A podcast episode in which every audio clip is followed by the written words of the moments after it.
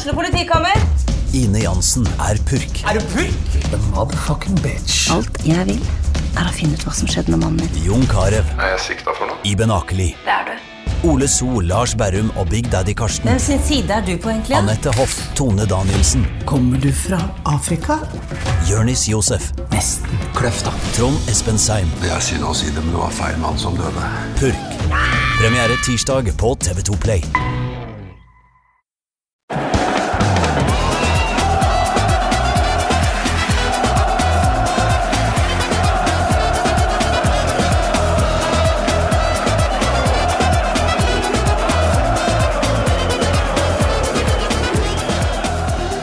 Og velkommen til en eh, smittevennlig episode av Pyro og Pivo. Mitt navn er Morten Gallaasen. Jeg har ikke covid-19 så vidt jeg veit.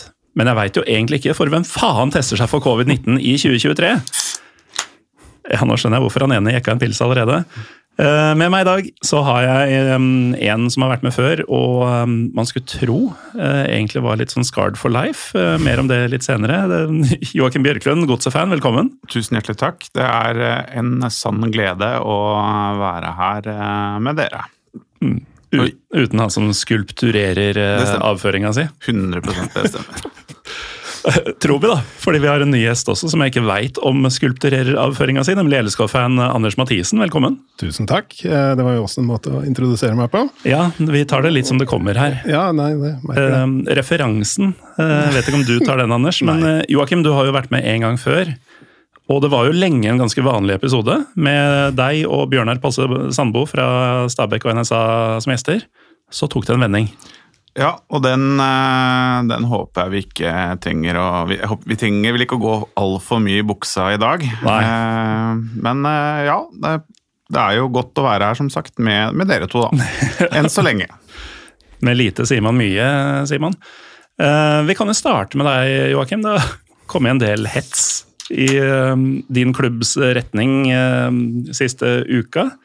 Det bunner jo i, selvfølgelig, at Strømsgodset før seriestarten eh, fikk en rekke positive covid-tilfeller. Og sendte inn en søknad om utsettelse pga. Av, eh, av det. eh, Eventuelt pga. skader og sykdom. Det har vært litt sånn begreper kasta rundt hverandre, men sendte inn en søknad om, om å utsette serieåpninga som da skulle være på Åråsen. Hva var din første tanke da du hørte om situasjonen? Nei, Eller Smith-versjonen? Smith-versjonen. Jeg tenkte eh, faen, liksom. Det er jo Vi skulle jo på seriestart.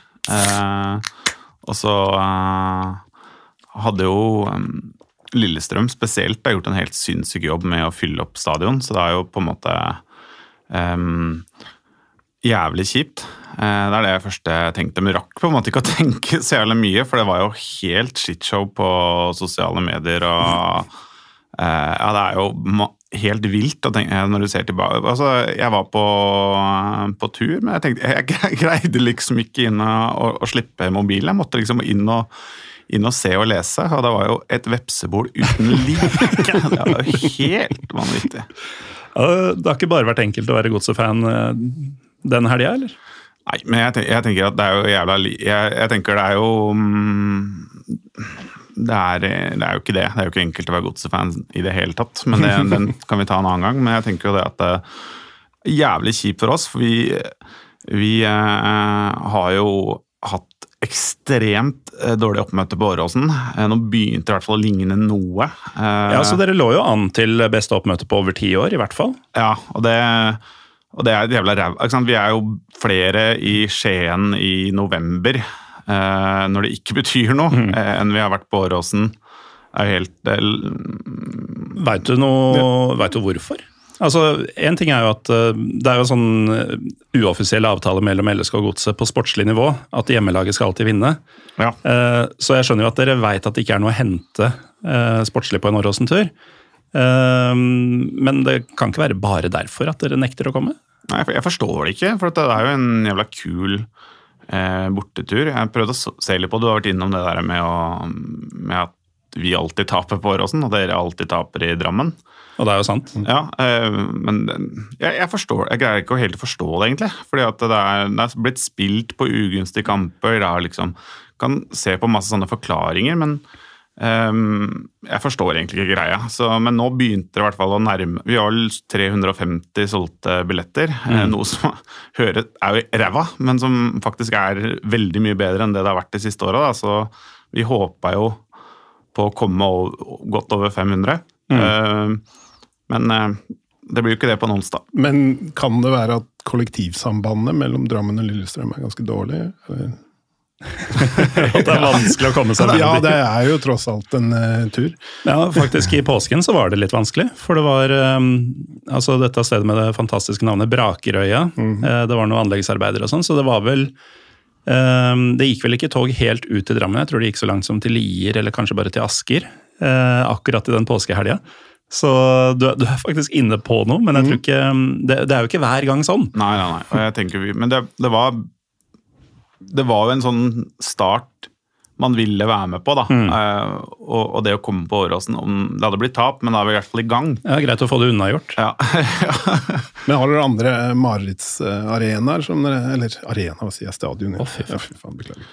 På, I Banekirken. Ja. Og ja, og hvordan er, er i så fall oppmøtet der? Ja, det er jo De aller fleste kampene som Strømsgodset spiller eh, bortekamp på, er jo Marit Arena. og det er jo Vi taper jo Vi har jo en helt Jeg tror det var et sånn eh, utenlandsk uh, avis eller noe sånt som kåra oss til det mest typiske hjemmelaget i Europa eller noe. Uh, så det er, det er helt For det var jo det for, forut for den, uh, det seriegullet som dere tok. Eh, Du satt jo tidligere her og klaga litt over at det hadde gått så dårlig. Men dere har vunnet seriegull for noen få år siden. Mm. men, eh, men da var det jo Jeg husker jo da, da Dere vant jo nesten bare hjemme. Det var jo aldri noen ting å hente på bortebane i de åra.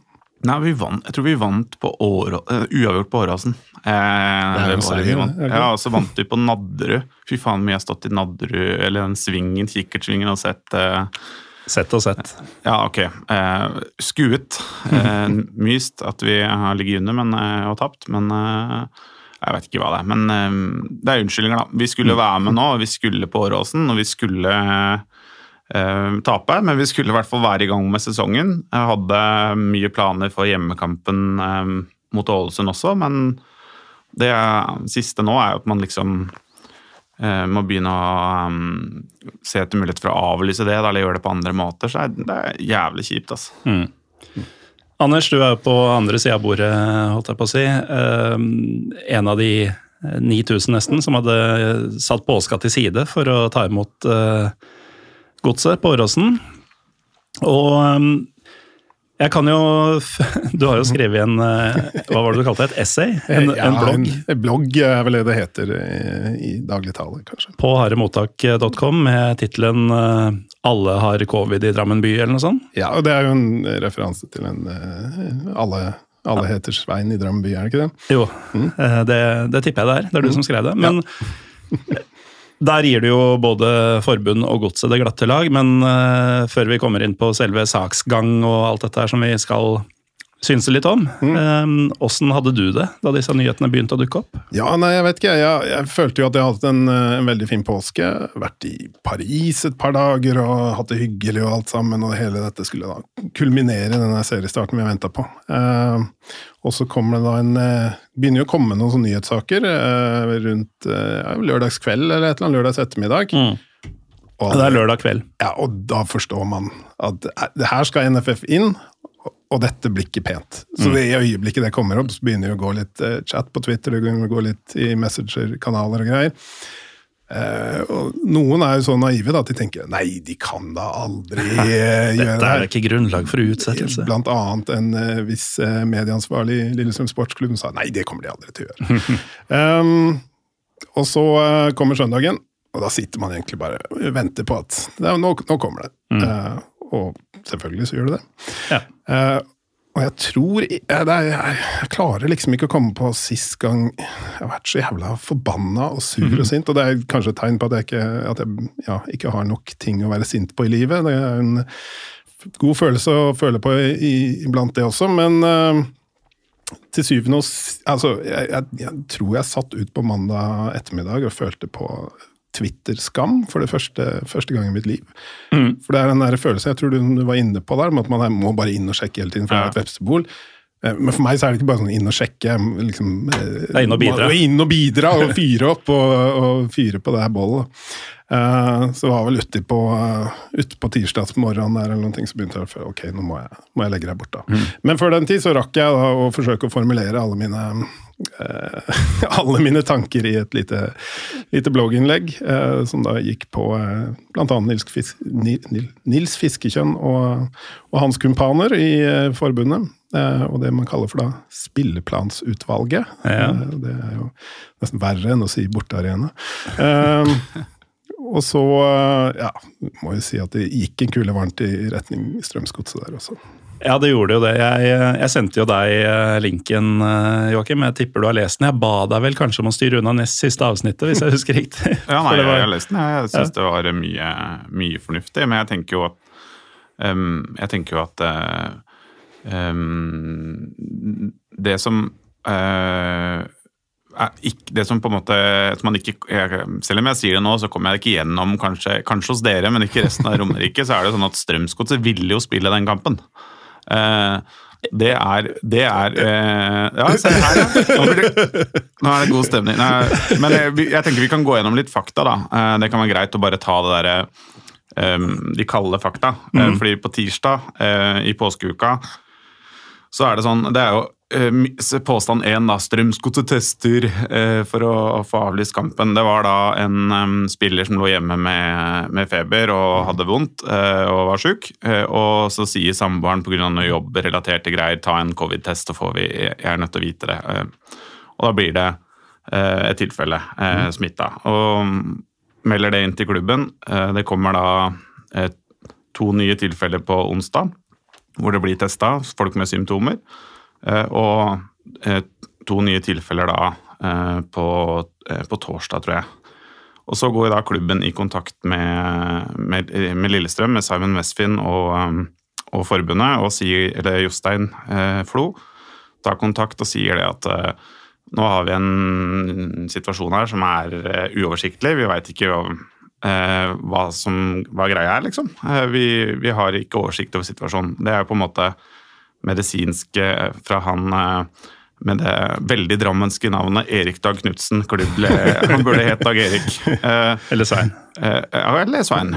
Men eh, uansett, da, så, så går man i dialog på, på fredagen og um, kontakter Lillestrøm og forbundet og melder om at dette her Vi, vi veit ikke hvor dette her går. Uh, vi har ikke peiling. Um, så eh, blir man på fredag eh, på en måte eh, forbundet og Strømsgodset enige om, om å sende inn en søknad. Eh, fordi eh, det er jo den medisinske vurderinga til eh, Erik Tag. Eh, eh, og eh, så får man da fire tilfeller etter det.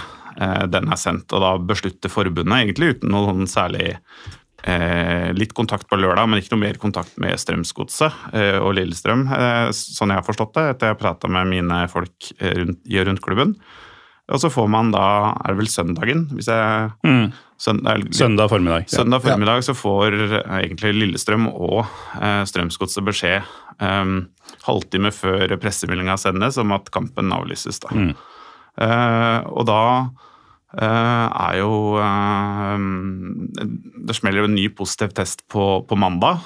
Og så skal vi ta den NFF-delen av avlysninga etterpå. Men fra Strømsgodsets side så er det jo i, eh, på onsdag kveld, eh, altså denne uka, så er fortsatt de spillerne som ikke var um, um, klare for kamp på mandag, de er fortsatt ikke klare for kamp. eh, så de blei eh, de, ble testet, de skal testes inn, da. Og da er det jo skal de på en måte gjøre en sånn medisinsk sjekk eh, på et sånn fysiorom for å, før de kan komme inn på treningsfeltet, og så skal de da eh, sjekkes på eh, treningsfeltet med tester der, før de da får opp, eh, bli med i eh, treninga eh, igjen, da, eh, med fellestreninga, sånn jeg har forstått det. Mm.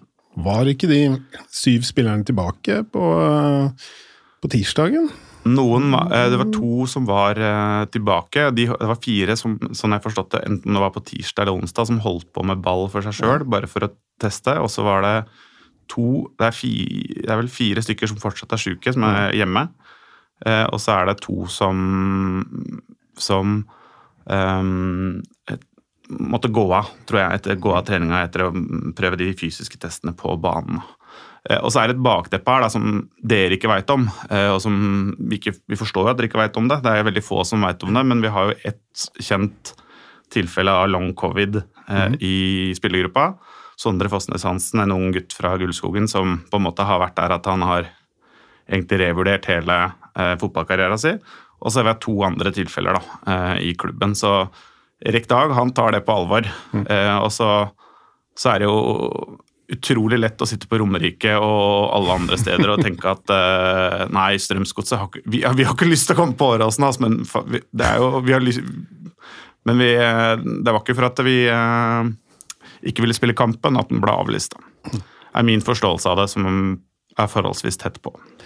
Litt slitsomt at det var så ryddig eh, fra Joakims side nå, Anders? Ja, jeg føler jo også man kan jo pirke litt mer i dette forløpet, da. For det er jo det var vel i forkant av kampen, så mener jeg å huske var Wilsvik var vel usikker med en skade. Ja, Wilsvik hadde vært klar, ja, han har vært men han har vært usikker. Det og hva heter han? Kresj... uh, Uff, Han har også kamp Kresjnik Krasjniki. Krasjniki, takk. Også klar, men ikke klar for 90 min, da. Ja. 90 minutter. Så, så det var jo allerede en liten sånn eh, skadesituasjon der på, på jeg, et par spillere man gjerne vil ha med. da. Enig, og jeg, jeg, skulle jo ønske at det var sant. Jeg skulle ønske at vi var den scumbag-klubben som bare Nei, fuck it. Vi ser at Lillestrøm har en drøy, eh, et drøyt kampprogram som kommer vi utsetter den litt, da. Men, men, om vi titter litt mer på det, så er det jo litt eh, altså, Det har jo vært eh, veldig sånne vage forklaringer, så vidt jeg har sett fra Strømsgodsets side, om eh, sykdom versus covid-smitte. Ja, og det er jo her eh, altså sånne som oss, da, mm. og egentlig resten av kongeriket utafor uh, Gulskogen, har fått vann på mølla.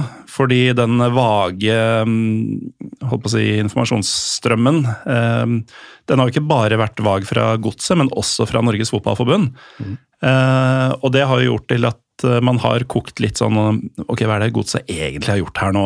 Mm. og hva er det NFF egentlig har tatt denne avgjørelsen basert på? Og jeg, jeg kan jo nevne for lytterne, da, dere to veit jo, men jeg um, inviterte jo Nils Fiskekjønn til denne episoden. Um, ehm, Forventa i utgangspunktet ikke svar, fordi jeg har mm, It's not my first rodeo.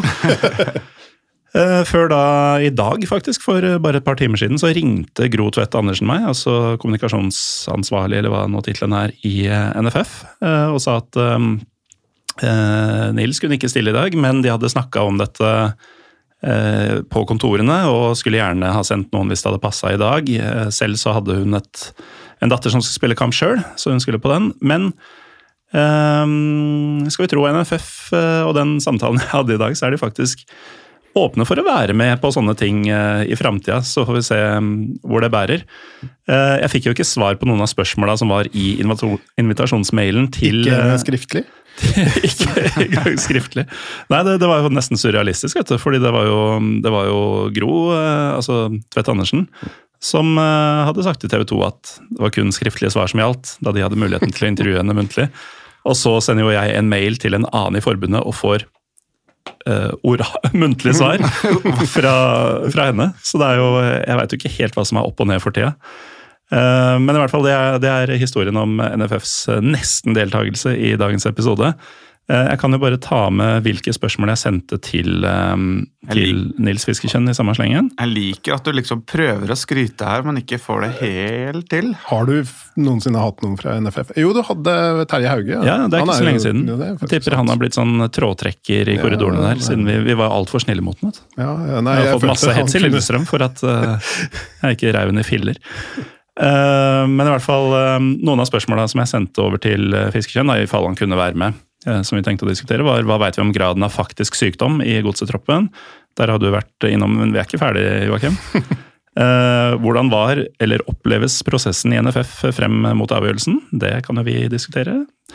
Eh, hvor godt eller dårlig treffer LSKs offentlige kritikk av NFF, og hva kan konsekvensene av utsettelsen bli på sikt? Settes det nå en presedens? Alt dette syns jo jeg er kjempeinteressant.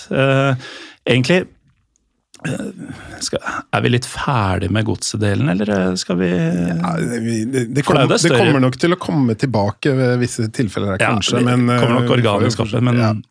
Joakim er ofte hook eh, Ja, for denne gang. Må, må, jo, må jo nesten få, få, få komme oss videre også. Ja, men jeg, Men- jeg, tenker, jeg må bare si det. Jeg tenker jo at uh, det er Hadde det vært andre veien, å fy flate karate, ikke sant? Da hadde, vi hadde vært der, vi også. Så det er jo det er helt fair. Ja, og jeg, jeg kan jo fortelle om min, eh, min side av dette. Eh, Jeg var også på tur. Jeg var i Nederland, blant annet med Trym Hogner.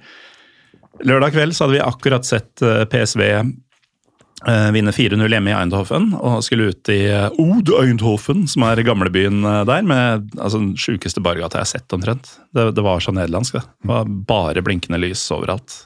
Eh, Men vi fant en ølbar, så det gikk fint. Men greia var at vi var på vei Vi hadde vært innom hotellet og bare slengt fra oss noe greier, eller tatt på oss noe greier, og så skulle vi ut og ta såkalt én øl på lørdagskvelden i Eindhoven. Vi hadde jo tenkt å gå på grisefylla, antagelig. Eh, Og dere har jo hørt på Harde mottak begge to, har jeg skjønt. Eh, Kanskje litt Pyro Piv også. Dere har et bilde av åssen Trym Hogner er. Når vi da er ca. halvveis mellom hotellet og bar, Bargata, så kommer da den første inn om at seriestarten er i fare pga. covid i godset. Gjett om det var hyggelig å være sammen med Trym de Jeg, timene der. jeg antar at han hadde en, eh, en positiv og optimistisk eh, syn på mulighetene. Det gikk så fint, så. Ja. Så litt motvillig så fikk vi i oss to glass og tusla hjemover, vel vitende da, om at dette kommer jo Jeg skrev jo det i en tweet eh, den kvelden, at eh, denne kampen bør ikke utsettes. Denne kampen kommer til å utsettes, og det var jo skrevet i stjernene fra da det kom ut. Og det er det som er så utrolig sinnssykt med NFF, er at det Mm. fins en Det, det fins ingen konsekvens i de fleste beslutningene de gjør, annet enn at de konsekvent tar beslutninger som er riv ruskende gale, når de, om de kan uh, pisse off uh, fotballsupportere. Ja, i hvert fall i utakt med det um, veldig mange mener vil være riktig avgjørelse. Da, da kan du ofte banne på at den, uh, den kommer andre veien. Men um, for min del, da, så vi snakka litt om dette med Twitter-skam og blodtåke og sånn. Jeg um, skrev jo sikkert i blindt raseri i ca. 30 timer. Eh, og så gikk det over til sånn galgenhumorpreg, så da var det jo retweeting av uh, ja, deg sikkert, og, og um, diverse sånn gods... Da ble det mer gods, godsepissing, selv om jeg har skjønt tidlig at det er jo ikke de som er bad guysa her, tror jeg i hvert fall, uh, basert på um, ja, at det er NFF som faktisk har bestemt dette.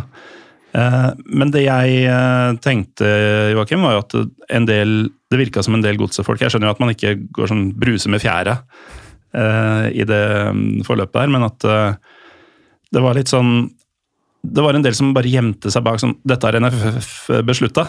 Men var det ikke en sjanse for dere til å, til å uttale dere litt sånn jeg holdt på å si tydeligere fra, fra supporterhold? Altså enten om dere var enig med klubben at hør nå her, altså det er ting dere ikke veit her som bare, bare vente og se, liksom. Eller eventuelt vi er uenige med klubben og syns dette er en skandale. Altså, Ja, nei, jeg tenker jo det er jo eh, Det var jo noen som var der tidlig, da.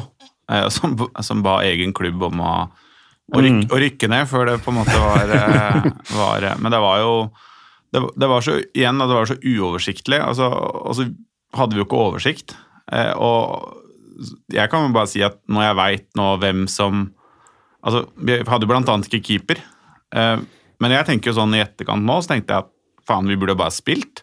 Og med de eh, som da var klare, i og med det var Team SIF eller Strømsgodset 2-kamp dagen etter, spilt med Strømsgodset 2-kamp, U19 fylt på der, men det er der det der forbundet vårt kommer inn, da, og da går det på antall disponible spillere klare, og så går det liksom på konkurransesituasjon, og så var to av tre tre treninger avlyst. Så jeg Men det var helt absurd å være på Twitter, for jeg følger jo ikke altfor mange Lillestrøm-folk. Jeg, jeg, følger på en måte folk jeg kjenner sånn halvveis og, og, har opplevd som ganske saklige, men det var jo den derre det ble likevel en sverm. ja, det var Den For You eh, som har kommet nå, var helt, det var helt absurd. Men jeg tenker jo at um, um, det blir jo litt sånn at man kanskje er litt lojale til klubb også. Man veit på en måte ikke helt hva man skal tenke og mene om det. Eh, så jeg, jeg har ikke noe godt svar på det, men jeg sånn Jeg tenker jo at det folk, og dere tydeligvis ikke har fått med dere, er jo at de elleve spillerne som ble, som ble smitta, de, var da syk, de ble da sykemeldt. Altså, de ble, altså de, eh, av eh, Erik Dag. Eh, så jeg tenker Erik Dag kan bli en greie. Eh, eh, men, Det blir en eh, hashtag, tenker jeg. Hashtag, ja. Men eh, så for meg Jeg var, jeg var jo på påskeføre. Jeg var jo klar for å komme hjem eh, og dra på Åråsen eh, mandag, men eh, sånn blei det ikke. Men jeg, var- det, det skulle, burde, kanskje. Jeg vet ikke. Har ikke noe godt svar på det. Ja. Men det er jo en eh, Jeg vet ikke, jeg føler jo Jeg vet ikke om jeg er helt ferdig med å pirke i, Nei, Men, men jeg syns det er litt uh, interessant også, denne Jeg tror vel jeg var inne på det i min lille tekst om uh, saken. Her med Lille tekst? Eh, Ja, den, de blir jo sjelden uh, korte. Men eh, Erik Dag da, er jo som kjent eh, Han er jo en eh, klubblege, og jeg har jo en sånn en sånn generell mistanke mot eh, leger da, som er eh, kny nært knyttet eh, og affiliert til fotballklubber. Eh, det finnes jo ganske mange eksempler på at man er villig til å tøye strikken litt ekstra da, når det er en konkurransesituasjon, selv om man har avlagt en legeed. Og det er jo Jon Pelu-gate er jo et sånn godt eksempel på det, når man faktisk hadde en lege som var villig til å skrive en legeerklæring på at spilleren hadde fått krampe i begge beina Akkurat, ramla. Så jeg er litt sånn eh, litt skeptisk akkurat til bare kjøpe det at de var sykemeldt, da. Ja, men det er jo litt sånn Godset sa jo sjøl at det var um, Da det var uh, søkt, da, uh, så var det ti uh, smittetilfeller.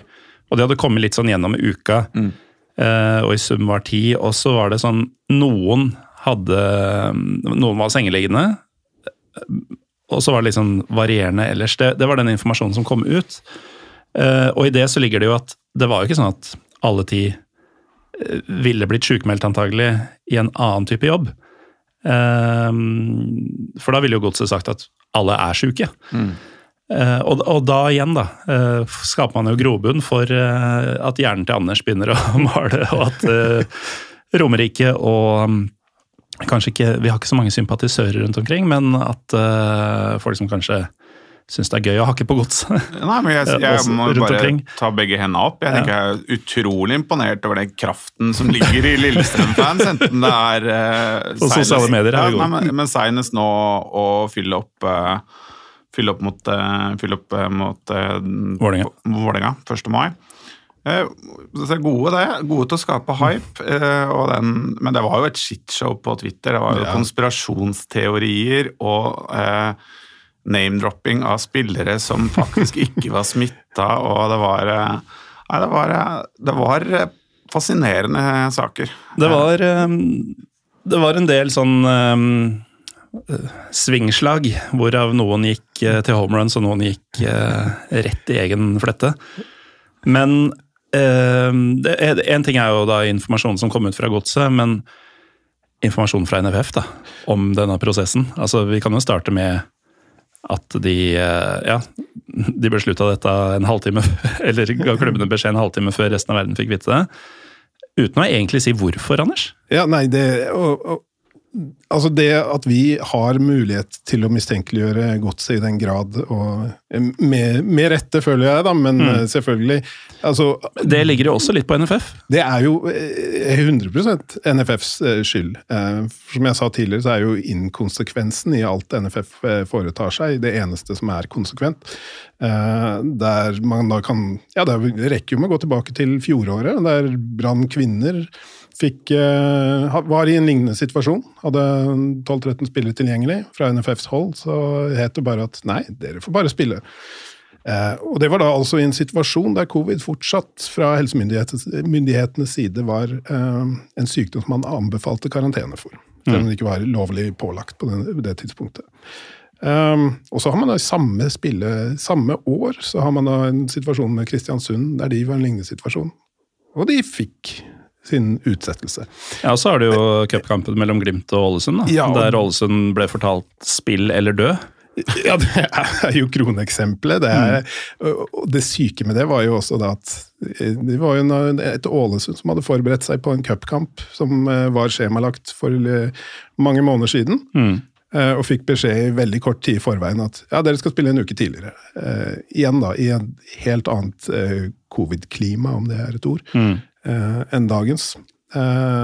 og hva skal jeg si Kampreglementets bestemmelser rundt dette med utsettelser, det er jo formulert på en sånn måte at det bare inviterer til misbruk. Da. Og det er igjen da, litt, litt det som er grunnen til at man kan mistenkeliggjøre godset i den grad man kan. Eh, Fordi eh, det fins jo Det er jo helt umulig å forstå en gang hvordan man skal lese dette reglementet. At det fins jo to-tre deler av den paragrafen. Der de første to delene eh, på mange måter er så overlappende at du kan velge litt den, den tolkningen du ønsker. da. Eh, Der den første sier du må ha tilstrekkelig antall spillere. og det vil jeg si da, En juridiske tolkning på den burde jo være at du må nok spillere til å sette elleve mann på banen. Ja, og fem og, på benken. Ja, eller et par på benken. Stille en tropp, da. Tilstrekkelig er jo fortsatt et relativt antall. og Det er jo helt uh, opp til, uh, opp Mm. til uh, tolkning, holdt jeg på å si. For det står ingen tall Nei. i den teksten her. Det er helt sykt! Og det, det, eh, man har jo sett litt altså LSKs styreleder Morten Kokkim har jo også vært ute, og han er jo advokat. Det virker jo som han ser på muligheten for å saksøke NFF her, fordi eh, ifølge han har de ikke eh, fulgt sitt eget reglement engang. Men det reglementet altså det er jo litt sånn som eh, For de som er gamle nok til å huske Simpsons. Ned Flanders, den veldig kristne naboen til Homer, han sier jo på et tidspunkt hvor, hvor ting går litt dårlig for han, at hva er det jeg har gjort, gutt, eh, Gud? Jeg har jo fulgt Bibelen til punkt og prikke hver eneste side. Til og med de partene som motsier seg selv. og det er litt sånn NFF oppleves òg, da. At eh, reglementet deres er litt som Bibelen, egentlig. Full av selvmotsigelser og, og rør. Ja, jeg tror jo bare det er en form for eh, organisasjonell latskap. At man eh, helt enkelt velger å, å leve med et såpass mangelfullt og dårlig formulert eh, dårlig formulert regelverk, så at man bare kan gjøre en skjønnsmessig vurdering helt etter hvordan magefølelsen er. Ja, og det er, jo, det er jo det det føles som om de gjør, da. Eh, Og de setter seg jo i en situasjon hvor vi tre mer eller mindre normalt oppegående menn kan sitte og faktisk tenke i fullt alvor. Kan en må jo være milliardorganisasjon omtrent, altså i hvert fall en enorm organisasjon som Norges Fotballforbund, kan det virkelig være at de overlater sånne saker til eh, hvem som tilfeldigvis svarer på telefonen den dagen, hvordan magefølelsen er den dagen? Altså, er det mulig at det, at det er såpass lite eh, organisasjon i organisasjonen, Joakim?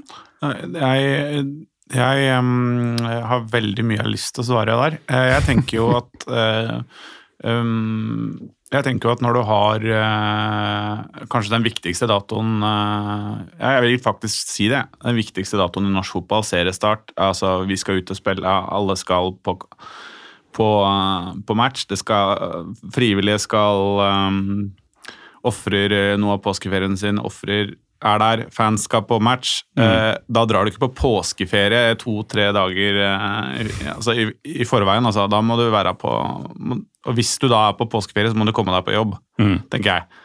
Eh, men, men det er jo eh, kultur i kulturen, det kan være eh, inkompetanse, det kan være, det kan være utrolig mye. Men jeg syns jo, jo det er med rette da, at han eh, Kokkim skal pirke litt i det og grave litt i det. fordi det er jo Lillestrøm er jo så heldig at de har jo en eh, gressmatte eh, som de har brukt eh, massevis av penger på. Det er eh, igjen disse frivillige som ofrer for å eh, i den Ofrer noe av ferien sin for å komme der. eh, I hvert fall tilpasse ferien. Ofrer er jo det er Passer i påsken, men det er, det er jo ikke så Jeg Vi trenger å bruke så sterke ord, men, men kanskje det viktigste, da, fansen som har mobilisert. da. Eh, eh, og da igjen veldig kred til Lillestrøm, som har var 9000 solgte. Var det? Ja, det er omkring. Opp, opp mot. Ja, det, er, det er 9000 mennesker da, som eh, får vite 20 timer før eh, de skal i hvert fall eh, bevege seg mot eh, seriestartsaktiviteter, at nei, det får du ikke være med på. Og det er jo, det er jo store, veldig store konsekvenser for veldig mange mennesker. Og så kan vi jo på en måte dra den enda lenger med uh, næringsliv i Lillestrøm. Uh, jo, men det, det, er jo ikke kødd engang. Næringsliv i Drammen. Ja, jeg skulle til å si. Uh, også i Drammen, for det er helt sikkert en del puber som hadde tenkt å åpne litt tidligere før dere skulle sette dere i bussene og sånn. Mm. jeg veit jo at den ene puben i Lillestrøm som forventa en av årets beste dager, altså bare slått av derby og eventuell cupfinalehelg, da, hvis vi skulle finne på å slå Glimt om en uh, to ukers tid. Det, det, det, det skjer ikke. Neida. Men i stedet for å få den superdagen, så måtte de holde stengt. For eh, du gikk fra at det kommer tusener og tusener av folk inn til byen, vi kaller det faktisk by, det er bystatus, eh, på andre påskedag, altså en rød dag, til at det ikke kommer en kjeft. Det skjer absolutt ingenting. Eh, gudene veit hva de tapte i omsetning, og nå handler det ikke om den og den puben, men det er bare at den avgjørelsen som noen i forbundet tilsynelatende har tatt litt sånn på gefühlen. De ringvirkningene altså Jeg tror ikke de evner å forstå hvor mange dette faktisk treffer. da. Ja, det, alt det bunner jo ut i og jeg, jeg tror jo at det er en altså Kokken prata om at uh, forbundet ikke forstår uh, regelverket de er satt til å forvalte. Men jeg mm. tror problemet stikker enda dypere. Det er, uh, det er jo altså sånn at de ikke forstår kulturen rundt det de er satt til å forvalte. Da. Mm. Uh, og at så mye som blir prega av en sånn uh, merkelig form for uh, jeg, jeg, tror i dette tilfellet så ønsker man å sikre konkurranse. og det, det, er jo så misforstått, fordi at den, det, det, ender jo opp med å bli en potensielt aktiv konkurransevridning. ja, altså det det ville jo vært en passiv konkurransevridning å tvinge godset til å spille kampen. Ja. For de var jo ikke holdt på å si, i stand til å stille et slagkraftig lag. Eh, men når du sier aktiv konkurransevridning, ja. så må du nesten forklare hva du legger i det. Ja, altså man, man uh, Fotballen er full av skader og sykdom. Uh, tilfeldigheter. Og tilfeldigheter er jo det som gjør fotballen vakkert, og mye mer interessant da, enn veldig mange andre sporter. Det skåres uhorvelig mange mål, og det er statistisk sett alltid utjevner seg over tid, så det beste laget gjerne vinner oftere.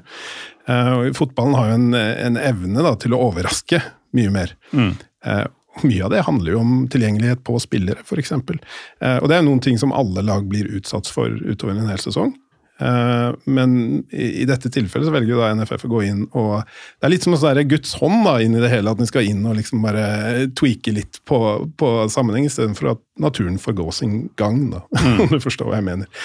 Eh, og Det som jeg syns er ganske interessant, er jo at man det er jo et år siden når vi hadde den Bodø-Glimt-affæren. som er, Det var en skamplett. og Det, om, det er nesten altså Fra et sånn NFF-prosessuelt perspektiv så er det jo en verre episode enn den her, selv om begge to er veldig provoserende. Ja, den er verre, men det, er jo, det, gjør jo også denne på en måte verre enn den isolert sett er, fordi den ikke Det, det henger ikke sammen. Sammen. Nei. Nei. Og, og, det som er interessant, Jeg sjekka på en gammel, gammel artikkel da, fra hva Fiskekjønn uttalte seg om i den sammenhengen, og da, da kom man jo inn på uh, på, på liksom, hva, hva, kan vi lære av dette? Og Da sier han at beslutningen hadde stor støtte og ble motivert av både ledelsen i norsk toppfotball og NFF. Det, det, vi nok alle bør ta lærdom av, er at det må bli flinkere både i NTF, NFF og klubbene til å planlegge for et bredere scenario. Og Dette kommer da på tampen av en, hel, eh, en pandemi der man har hatt masse store problemer med sykdom og, mm. og utsettelser og flytting av terminlista. Eh, og så går, går det tolv måneder, og det er jo ikke som at noen i forbundet har sett på hvordan kan vi forbedre og forberede oss på et bredere sett med scenario? Nei, det, det, tror jeg vi kan enes om. altså, det er nesten sprøtt å høre. Og det er jo over et år siden også, for den saks skyld. Ja. Men uh, denne aktive konkurransevridninga Nå ble det jo ikke sånn, da, fordi kampen skal faktisk spilles førstkommende onsdag. Uh, så det blir jo uh, tredje serierunde for Det blir heller ikke, det blir mellom andre og tredje serierunde. Så det blir andre serierunde for både dere og oss, Joakim.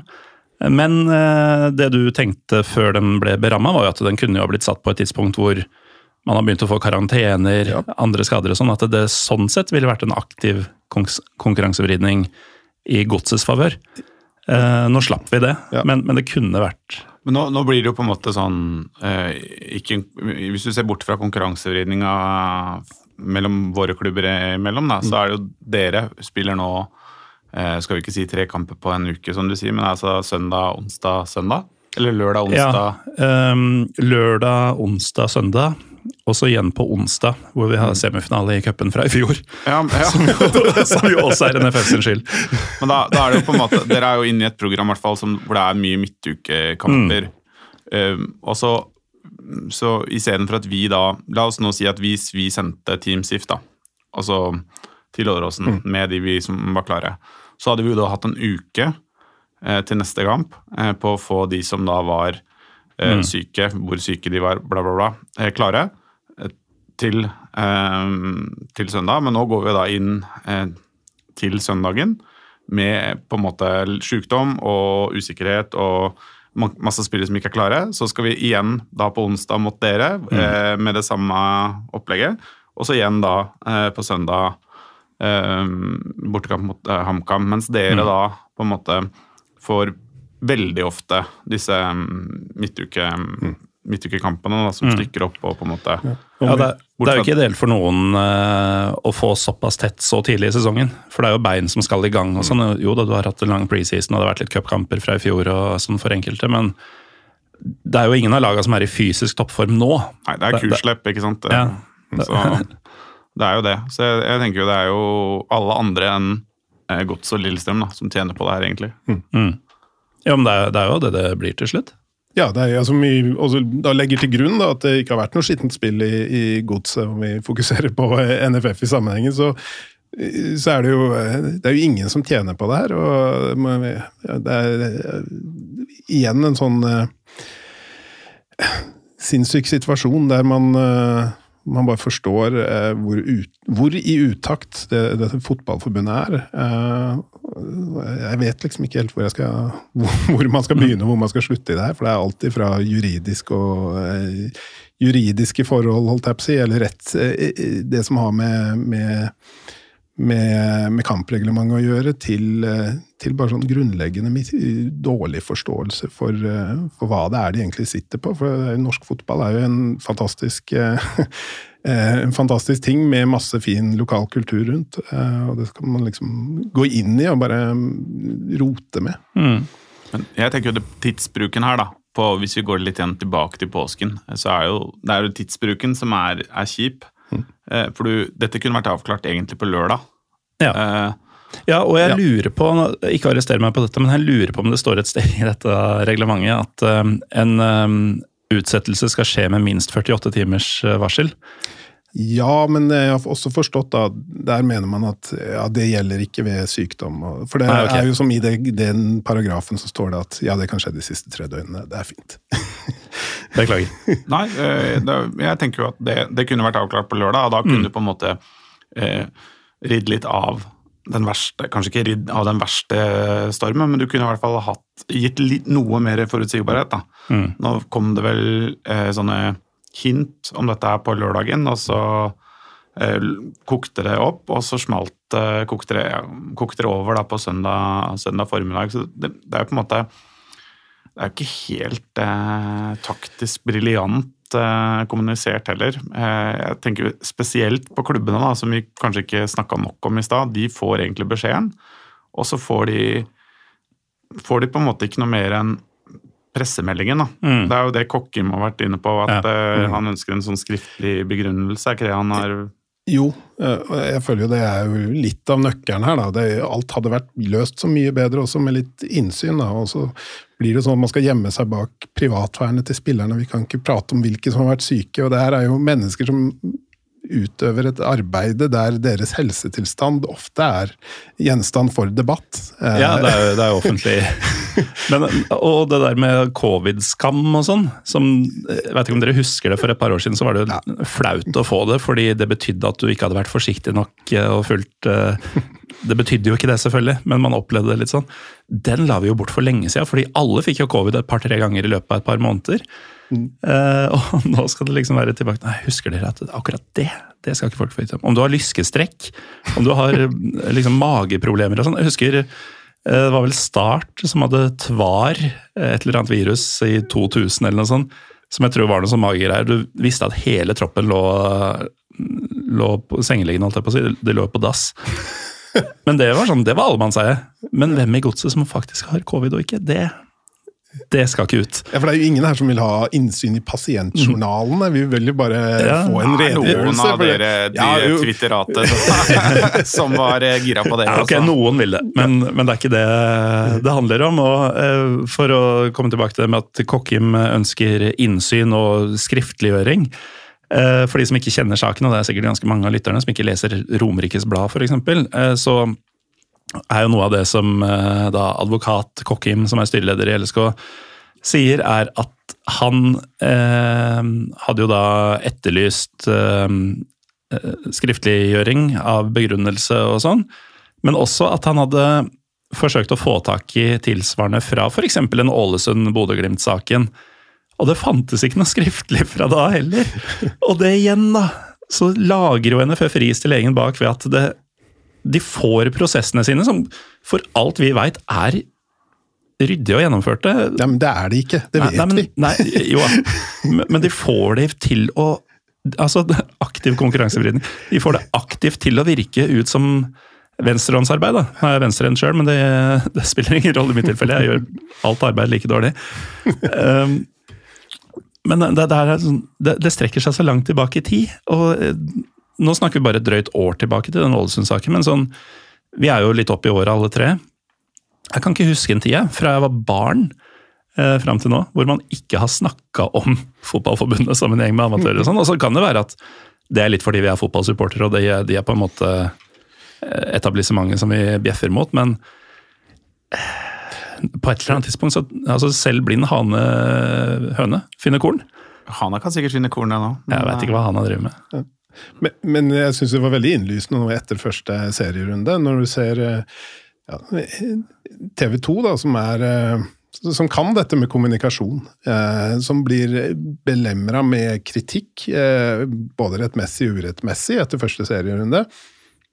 Og de har en masse ansatte som sitter ute på Twitter, superydmyke, sier 'dette kunne vi gjort bedre', 'dette skal vi gjøre for neste serierunde', og bemøter kritikken med åpne armer og sier Sorry, eh, vi har driti oss ut eh, på det og det feltet, og det har vi lyst til å gjøre noe med. Mens eh, approachen fra NFF da er jo den at selv TV 2, som er deres uten sidestykke viktigste partner i, i eh, det å bringe norsk fotball til, eh, til folket, eh, de får ikke engang et, et svar. De, de vil si vi kan ikke svare dere på en søndag. Nei, men, nei, nei, men det, er, det er jo litt sånn øh, Skal ikke gjøre det til en sånn Det er jo kanskje litt Kanskje det er et speilbilde av det samfunnet vi lever i. Et ekstremt speilbilde. da. Fordi at hvis man driter seg ut, hvis man gjør noe dumt, så sier man jo, altså, så sier man jo unnskyld, og så går man videre, og så innrømmer man hva man har gjort. ikke sant? Det er sånn man lærer eh, unga i skolegården. Men det er jo på en måte, det er aldri noe, noen form da, for selvkritikk, eh, og det er aldri noen form for ehm, å svare eh, på det man spør om. Nå fikk jo du riktignok noen Du fikk kanskje ikke svar? Var det ikke Nei, jeg fikk ikke svar på spørsmålet, eh, men jeg fikk eh, kontakt. Ok, du fikk kontakt, Ja. Men jeg og, en, og en slags lovnad om at eh, kanskje vi kan stille en annen gang. Men du, husker du ikke den der, Det var jo noe med denne bluss-saken for noen år siden. Mm. Da lovte jo NFF også ja da, vi skal stille opp flere ganger. De stilte jo på Eurosport. Ja, men uh, var det, Mot- det var jo også en mye trenering da, før de til slutt da, rammet dere. og det, mm, det ble jo med den gangen. Brent barn sier du. Men uh, jo, uh, dette med covid også. Jeg klarer ikke helt å slippe det. Fordi nå, nå har samfunnet som helhet, fra absolutt øverste hold, både i Norge og internasjonalt, vært enige i godt over et år om at dette her er ikke en sånn særstilling øh, lenger. Altså, det, det er ikke noe verre å få covid enn for all del, man kan fortsatt bli jævlig sjuk av covid, men sånn, i utgangspunktet så spiller det ingen rolle om du blir diagnostisert med covid eller si lungebetennelse. Mm. Eller Eh, influensa. eller influensa. Så har du da altså mm, helsearbeidere, lærere, kan teste positivt og forventes å komme på jobb så lenge man er symptomfri, eller kanskje til og med tilnærma symptomfri. Fordi igjen, samfunnet har bestemt dette er ikke farlig lenger. Og så kom man da til fotballen hvor jeg veit ikke om de har glemt å fjerne det, men det er fortsatt eh, hjemmel, er det det det heter, i eh, NFFs regelverk om å forholde seg til covid. Eh, sikkert, altså Det ble lagt inn under pandemien, og så har de bare ikke fjerna det, antagelig. Men fotballen blir jo da, og nå i praksis, eh, blir jo da på en måte en sånn siste bastion for det samfunnet vi hadde i 2020-2021 og veldig tidlig del av 2022. Det er jo ja, igjen da, at um, de såkalte um, Hva var det man kalte lærere og helsearbeidere for et par år siden? Man, det var ikke Frontline, frontline workers, Ja, heter i USA.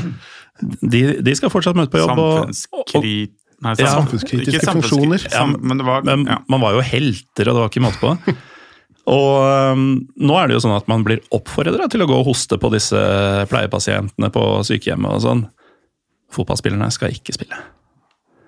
Jeg bare Nei, det, Jeg blir matt. nei, det er jo en eh, Hva skal jeg si? Det er jo akkurat derfor man eh, Rent statistisk sett, da, om man ser på eh, hva som skjer med mennesker som får covid i dag, så er det jo en ganske liten sjanse nå for at du skal bli veldig syk. Så er det klart noen blir syke, men når man titter på de undersøkelsene man har gjort nå, så ser man jo at man har fryktelig mange mennesker som er helt symptomfrie som har covid. Og det er jo det medisinske rådet rundt covid handler jo om eh, allmenntilstand, som med de fleste andre sykdommer. Mm. Men allikevel så har og, det, igjen, dette går jo bare tilbake til NFS regelverk. Gjennom å formulere seg vagt og formulere seg med ulike fraser i samme paragraf, så, så kan man jo eh, velge hvordan man vil tolke sin egen lovgivning. Og så tar man litt på gefühlen. Så har man da et spilleplansutvalg som sitter der og eh, synser litt basert på, eh, basert på den dokument, dokumentasjonen som kommer inn. Eh, og det er jo et sånt et juridisk håndverk som er helt fryktelig, og igjen så er det jo helt Det, det, det er så det er så sinnssykt at man ikke klarer å, å oppdatere seg med tiden etter at man har gått gjennom to år med pandemi og drit. Ja, pandemi og drit. Eh, Kan jo bare sånn siste um, Jeg tenker å slenge noen curveballs til dere om sesongen som kommer, som jeg ikke har forberedt dere på. Men en siste greie i denne saken, da, med mindre dere brenner inne med noe, eh, det er jo dette med at um, i en sånn sak så skal eh, Eller så jeg tror LSK i denne saken kunne kreve at en eh, uavhengig eh, medisinsk instans, altså en lege, eh, blir konsultert. Og um, inntrykket da, er jo at i den grad det har blitt gjort, at uh, denne, hva het den, Geir Dag, Erik Dag, ja. Erik Dag, uh, rett og slett har sendt over uh, noen papirer til en uavhengig lege, som i praksis sagt dette ser ryddig ut. Uh, og så er det på en måte et sjekk.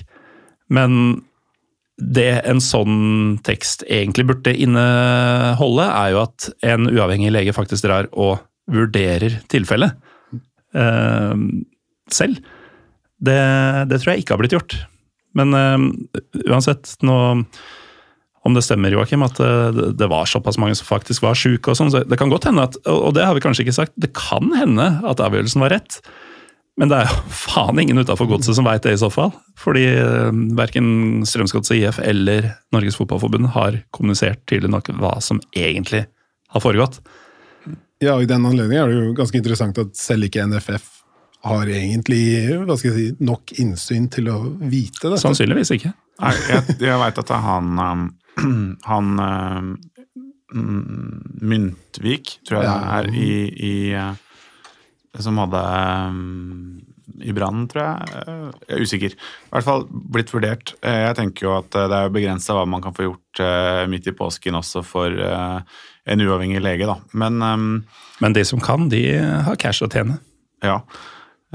Nei, uh, hva spurte du om egentlig? Var det jeg, Nei, egentlig bare um, jeg ble satt ut av at dere ikke har lært dere at han heter Erik Dag nå. Ja, sorry. Um, Erik Ten Hag er bra huskeregel. Ja, da. Uh, nei, egentlig bare sånn I hvilken grad har NFF faktisk brukt en uavhengig lege til å eh, komme med en second opinion, da, som ville kalt det i USA? Den er antagelig på veldig papirnivå. Ja, og så er det jo, jeg tenker jo det er jo tillitsbasert. Det er jo på en måte eh, etikk og moralen til leg, leger. Legestanden den er jo veldig høyt eh, respektert eh, blant eh, blant annet altså, kolleger seg imellom, tenker jeg. Um, så, så det er ikke, selv om det har skjedd før i eh, Rosenborg og John Pellu, så, så er det ingen, ingen grunn til å mm, betvile det, slik jeg eh, forstår det. Og det siste fra han, eh, vår daglige leder i, i Strømsgodset, er jo også en ting Det er kanskje en ting vi ikke har toucha gjennom, eh, som satt egentlig sinnene deres i kok. at SIF, eller Strømsgodset, var jo der at vi spiller, vi, hvis vi eh, blir bedt om det. Um, og det var jo um, Ja, At de sa at de kunne stille lag. ja, og det, det var jo litt sånn klønete um, ja, Ikke litt, det var, jeg tror, tror det jeg, For å um, bruke en til, eh, gjøre, min, gjøre en tidligere statsministers ord til mine Jeg ville ikke ak brukt akkurat de ordene. eh, men den, den endelige avgjørelsen lå på en måte på på NFFs bord. Da. Og så ja, mm. tror jeg, som du var litt inne på eh, i stad, Anders, at dette her med det som står i den paragrafen, og hva slags type, altså Den skriftliggjøring av avgjørelsen, hva er det som blei lagt til grunn for å utsette? da? Var det det at var det det smittede? Var det hvordan ståa var ellers i troppen? Var det konkurransesituasjonen på det som skulle skje på Åråsen? Eh, Det må man få en begrunnelse på. da. Og så er det jo, det er jo klart at det, det fins jo, som du var inne på tidligere, du skulle ønske at dere var Scumbag-klubben. Og, det, eh, og det, er jo på en måte noe forståelig da man velger å, og Når man er først er utsatt for noen skader, som man har folk som ikke er liksom 100 og man får eh, litt covid på Herman Stengel blant annet, som er bekrefta, så, så vil jeg forstå eh, på, på et kynisk sportslig plan, da, uten å ta hensyn til eh, publikumseventet som man ofrer alt sammen, at man ønsker å liksom eh, tøye strikken litt. Da. Og da er jo spørsmålet om eh, har man da fra Strømsgodsets side sagt at vi stiller lag, vi, om vi blir bedt om det, og at NFF da har valgt at nei, dette Det skal dere få slippe. skal, dere skal få slippe, eller er det sånn at eh, Strømsgodset har unnlatt å, å, å si det? da? Og alt dette her kunne jo vært besvart, og vel så det, om man bare hadde saksdokumenter på dette her, som man gjør i en hvilken som helst annen eh, prosess i en hvilken som helst annen organisasjon eh, som man ville, ville sammenligne seg med. da. Ja, men jeg tenker uavhengig av, uavhengig av på en måte se paralleller fra mitt yrke, da, skal jeg mene noe om en sak i min jobb som lærer, så må jeg ha dokumentasjon. Jeg, altså, jeg, må, ha, jeg må ha fakta. da. Jeg må ha ting som Jeg kan ikke si at jeg kan ikke eh, putte fingeren i munnen og kjenne på hvordan det er. Jeg, jeg, må ha, jeg må vite hva jeg Altså, jeg må ha fakta som underbygger det, den avgjørelsen jeg tar. eh, Den, eh, uten å gå nærmere inn på det. Så jeg tenker det er Det er jo litt forståelig med tanke på at det er påske, men all- allikevel så må det jo på en måte skriftliggjøres. Det må jo på en måte eh, Det som eh, av det som blir brukt som dokumentasjon eller fakta eller argumentasjon i den avgjørelsen eh, som blir tatt, det må også kunne ettergås eh, av eh, av Kokkim, da. Eh, Og, men egentlig av alle. Ja, men altså, De må jo ha en kontrollkomité i NFF også. Skal ikke de ha noe å se på, på en måte? Hva, hva jobben de gjør, hvis de ikke har noen papirer eh, underveis og etter sesongen? Ehm, men uansett, vi, vi har nok gjort det ganske klart hva, hva vi som helhet eh, syns om håndteringa, i hvert fall. Og så er det litt ymsom uh, hvor korrekt det var. Hva som egentlig skjedde. Ja. Men um, sesongen har jo starta for alle andre enn oss, og ehm, den starter jo snart for oss også. I forrige uke, Joakim, så hadde jeg Simen Aasum og Frode Lia her, og vi satte sammen Pyro Pivos tabelltips for 2023. Godset, ifølge tre ehm, folk, eh, blir nummer tolv. Hva er dine forventninger til eh, sesongen 2023?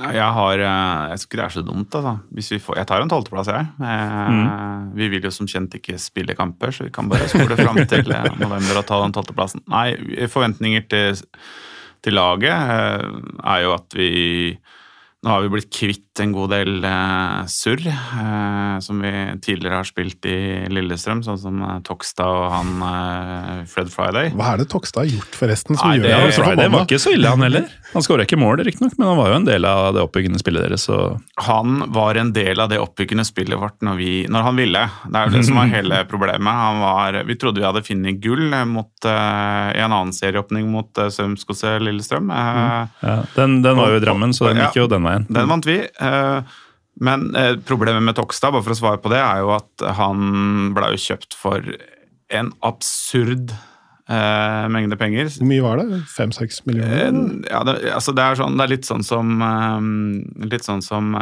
historiske hendelser. Det blir, bare, det blir bare større og større. og større. Ja. men det var, det var mye for Strømsgodset. Han ble kjøpt sammen med, med, sammen med Jakob Glesnes ved Sarpsborg. Mm. Men det var en stor signering for, for en klubb som Strømsgodset på den tida. Det var jo ansatt, ansettelsen av Torulle Skullerud. Da skulle vi ha dobbel dekning eh, på alle plasser. Nå er det såpass lenge siden at noe mulig fakta ikke sitter her, men han, uansett da, Tokstad leverte niks, nada null, eh, på, på eh, over seks sesonger. da. Eh, vi snakker eh, under og da under 25 målpoeng på en god del, på fire-fem sesonger for en eh, høyrekant. Altså målpoeng eh, i en 4-3-3. hvis- Eh, Så det var, det var helt krise. Og så, så blei han jo hoggestabben, da. Spilte jo, spilte jo seks sesonger uten, uten um, noe selvtillit. Men det er jo bra å overleve seks sesonger og være Vi, vi henta den jo nesten til førstedivisjonslaget vårt vi, for tre år siden. Ja, og Men det, og det skal dere bli i jo- Det skal dere jo takke han um, Henrik Pedersen, som har trener hos oss for. Fordi han, um, han, han, han Vi var på et sånt supportertreff, så ser jeg meg, ser jeg meg Nei, Tokstad. Han var enig med meg om Tokstad, da, og så dagen etter så fikk han ny eh, toårskontrakt. Så, så det Nei, eh, nok om han. Eh, eh, Tolvteplass, du sa. Jeg Mm. tenker at det er helt Jeg tar den. Jeg, vi har noen unggutter som kan komme på, og så håper jeg jo da at fansen vår Vi har jo hatt et sånt generasjonsskifte veldig eh, på, på feltet, eller på feltene våre. Mm. Så jeg håper jo på en måte at vi kan Det har vært mye, veldig mye snakk fra de som styrer Godsunionen nå, at det er, det er så god rekruttering og sånn, men nå må vi på en måte prøve å få materialisert det i å komme oss på bortetur og, og få opp aktiviteten. da. Um, så er det jo lett for meg å si, som, uh, begynner som ikke har ansvaret lenger. Men jeg tenker Ja. at vi må, vi må steppe opp. Vi må være med nå. Det er nå det skjer. Ser jo nå at det er uh, Vi prata om i stad uh, det er jo billettangst flere steder. Det, er, det fylles opp, og nå må på en måte også Drammen våkne. da. Mm. For eh, du sier jo at du ikke har ansvar lenger. Jeg kunne kanskje sagt det tidligere. Du er jo tidligere leder av Godsunionen. Eh, Der man finner Pyro Pivos tabelltips, nemlig pyropivo.com. I samme sak så er det noen supportere som uttaler seg om hva de tror om sesongen. Blant annet nåværende leder av Godsunionen, Truls Vaktar Skjøne, som du kjenner godt, som har vært med på Pyro Pivo et par ganger. Han eh, sier åttendeplass eller bedre. Er han fornøyd med? Han Truls uh, er jo helt perfekt uh, til å skape optimisme, men uh, nei. Det er nok mer sannsynlighet for at eh, eh, vi, nei, glem det, ja. Åttendeplass er Vi har ikke kjangs der. Vi har øvre halvdel, liksom. Nei, glem det. Hvor er det skoen trykker mest? Skoen trykker jo med at vi, vi er jo um, utrolig eh, avhengig av Valsvik. At han er skadefri. Vi har Stengel. At uh, ingen av dem har covid. Ingen, ja. Ifølge Vi hadde jo ikke hatt sjans, det er derfor vi eh, jeg skal ikke skal den, ta den igjen. Men jeg tenker at det er ganske mange som må slå til, og så har vi, har vi på en måte henta Magnus Menert fra Ranheim og Ekeland fra Sandnes Ulf. Og de, de kan bli bra, men det, det er, Ekeland har vært god i treningskamper. Men, eh, men det er den økonomien igjen, da. Så vi har på en måte år, Årsmøtepapirene viste at det var 20 millioner i, eh, i gjeld. Eh, og så er det jo fortsatt sånn, tror jeg, eh, at Drammenspatriotene fortsatt har sin klamme hånd over klubben og skal ha noe penger. Så, så vi, vi er medlemsstyrt igjen, men vi er på en måte ikke medlemsstyrt fullt da, Nei. før, Før gammel moro har gjort opp. før gammel moro har gjort det. Det er mye av dette som høres ut som en klubb vi kjenner ganske godt i, gjennom 2010-tallet. Ja.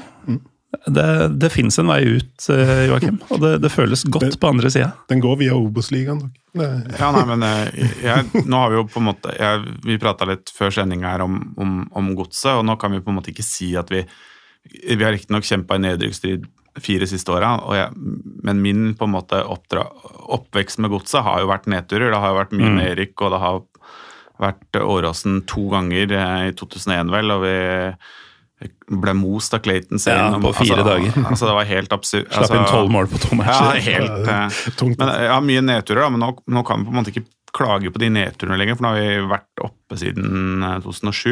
Og da vi er vel den Mm. Men før det var det jo nesten annethvert år.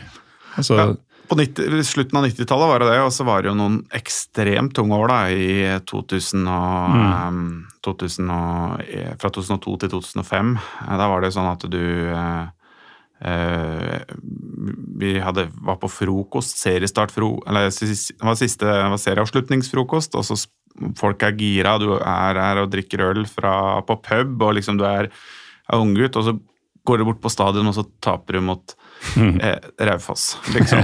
og, og, og, det, og da var Raufoss mye dårligere enn Raufoss var, eh, er nå, altså. Jeg hadde jo noen masse supportere i studio um, tidligere, altså i vinter.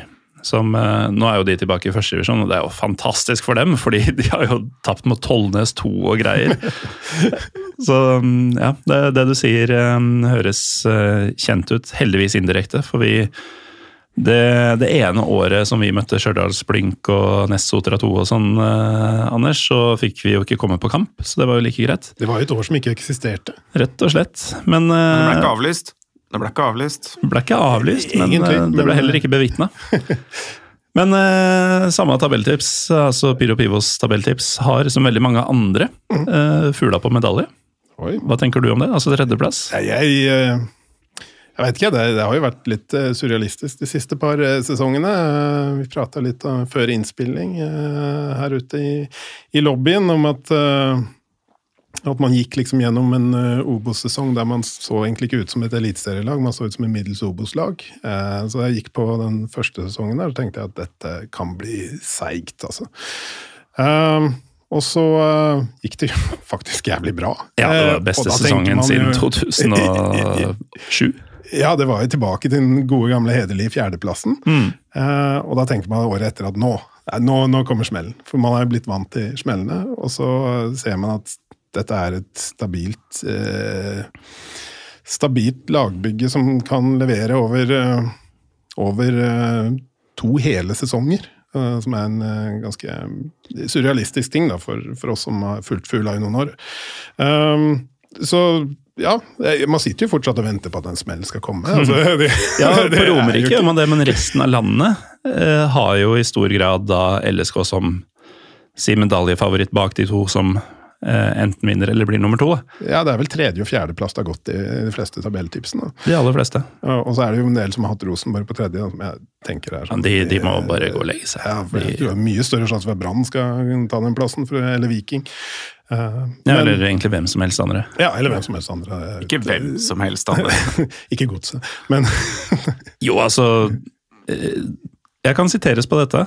Eh, Jeg tror Gods og Rosenborg har like liten sjanse på medalje i år. Jeg sier ikke at de kommer til å være like langt unna, men ingen av dem kommer til å ha medalje når sesongen er omme. For det er noen eh, jeg vet, De var ikke bra i fjor heller, men hvorfor skal jeg prate om Rosenborg? Uansett, de var ikke bra i fjor, helt til Tengstedt kom inn og redda deg, og nå har de solgt han og han andre som eh, gjorde noe målt poeng for dem. Men om vi skal gå tilbake til Lillestrøm, så, eh, så er det jo litt sånn Man sitter jo og ønsker seg en medalje, da. Det var jo jævlig lenge siden vi, vi, vi tok en medalje sist. Altså, Men ønsker du medaljen, eller ønsker du Europa? eh, både og, men jeg, jeg, jeg, jeg føler jo eh, Jeg vil ha medaljen.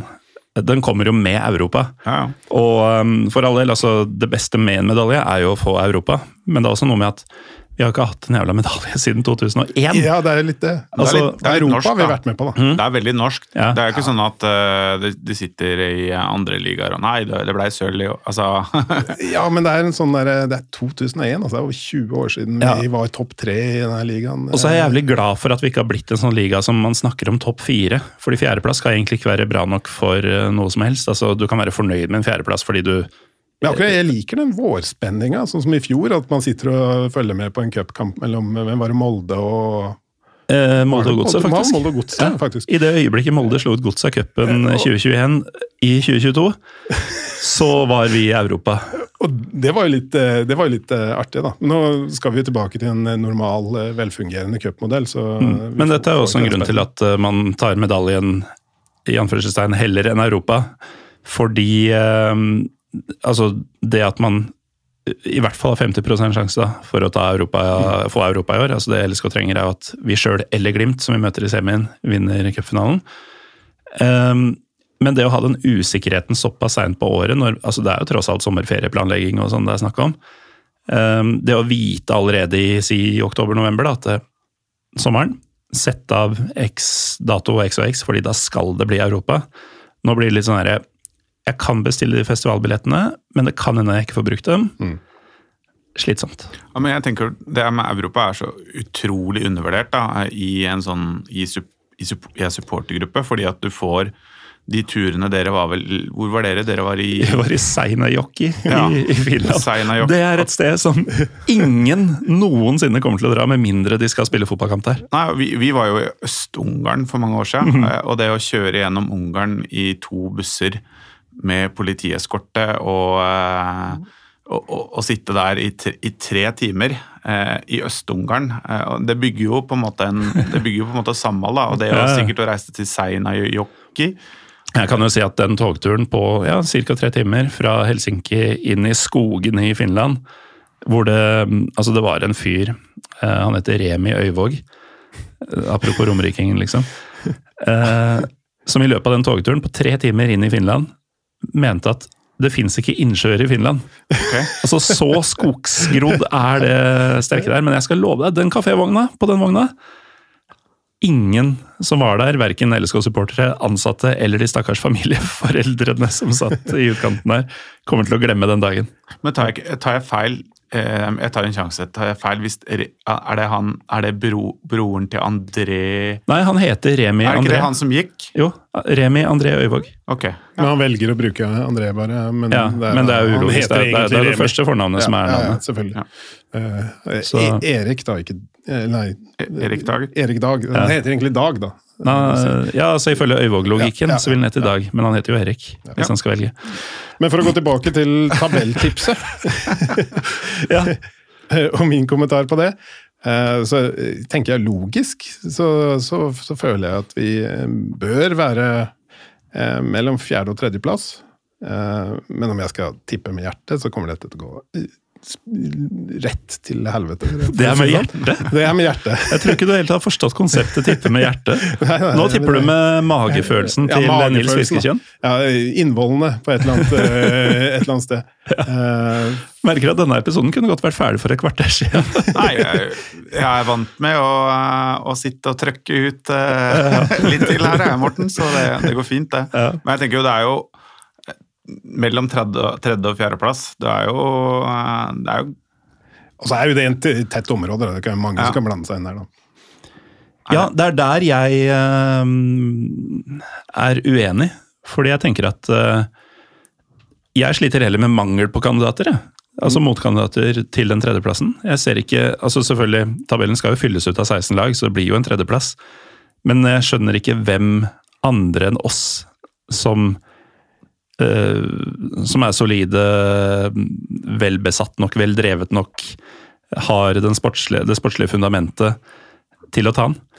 Jeg tror brann på og ja, entusiasme og optimisme.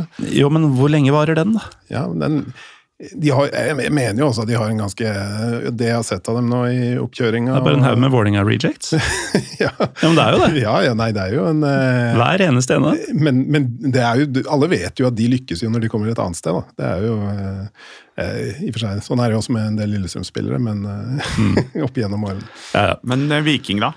Viking er jo ja, Viking er den andre som jeg har. Det er Brann og Viking er de to som jeg Ja, Viking på fjerdeplass på min personlige. Men det er bra kultur, begynner i hvert fall å bli det er jo ganske absurd også, den kulturenendringa som har skjedd i Stavanger. Det var jo noe sånn man Vikinghordene var jo bare noe man lo av. Fikk seg jo en liten knekk der på høsten i fjor. Ja, det, det, ble jo tilbake til å le av dem eh, utover hele høsten i fjor. Men ja, vi, vi, får se hva Nå er det jo uh, Det er vel solgt femsifra til uh, det som blir vår seriestart, Anders. Altså Viking ja. LSK nå på lørdag. Så Stavanger-publikummet er klare, selv om de røyk på et forsmedelig nederlag mot middelhavsfarer Rosenborg i serieåpninga. Så um, ja, det blir, det blir spennende å følge. Nå har de jo faktisk den spissen som de mangla i hele fjor. Halve fjor. Og um, vil jo tro at de traumene fra den høsten er bearbeida gjennom vinteren. Men vi får se. Ja. Uansett, vi har vel sagt det vi trenger å si, og vel så det, i hvert fall for min del. Denne debatten var vel allerede død før vi begynte i dag. Det var jo det. Flogging a dead horse. Eh, takk, Anders Mathisen, for at du var med for aller første gang. Tusen takk. Takk, eh, Joakim Bjørklund, for at du turte å komme tilbake etter forrige gang. Det var, dette var en glede. det er heller å holde på å bli, si, bli stilt til veggs for godsets kyniske og Nei, nei, skal ikke begynne. nå. Enn å høre på Bjørnar Posse Sandbo prate om bæsjen sin. Ja. Ja, det er det. Jeg kunne godt tatt flere fugler her, altså, i stedet for å få en sånn ny, en ny runde der. Ja, Da dropper vi en ny runde med det, og sier heller eh, takk eh, til dere to, og takk til deg som har hørt på. Jeg heter Morten Gallaasen. vi er Pyro Pivopod på Twitter og Instagram. Vi høres neste uke.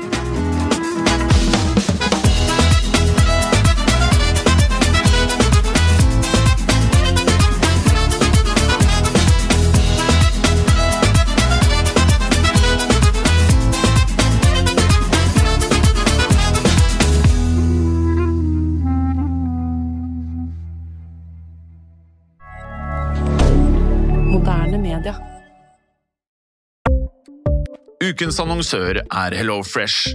HelloFresh er verdens ledende matkasseleverandør og kan være redningen i en travel hverdag.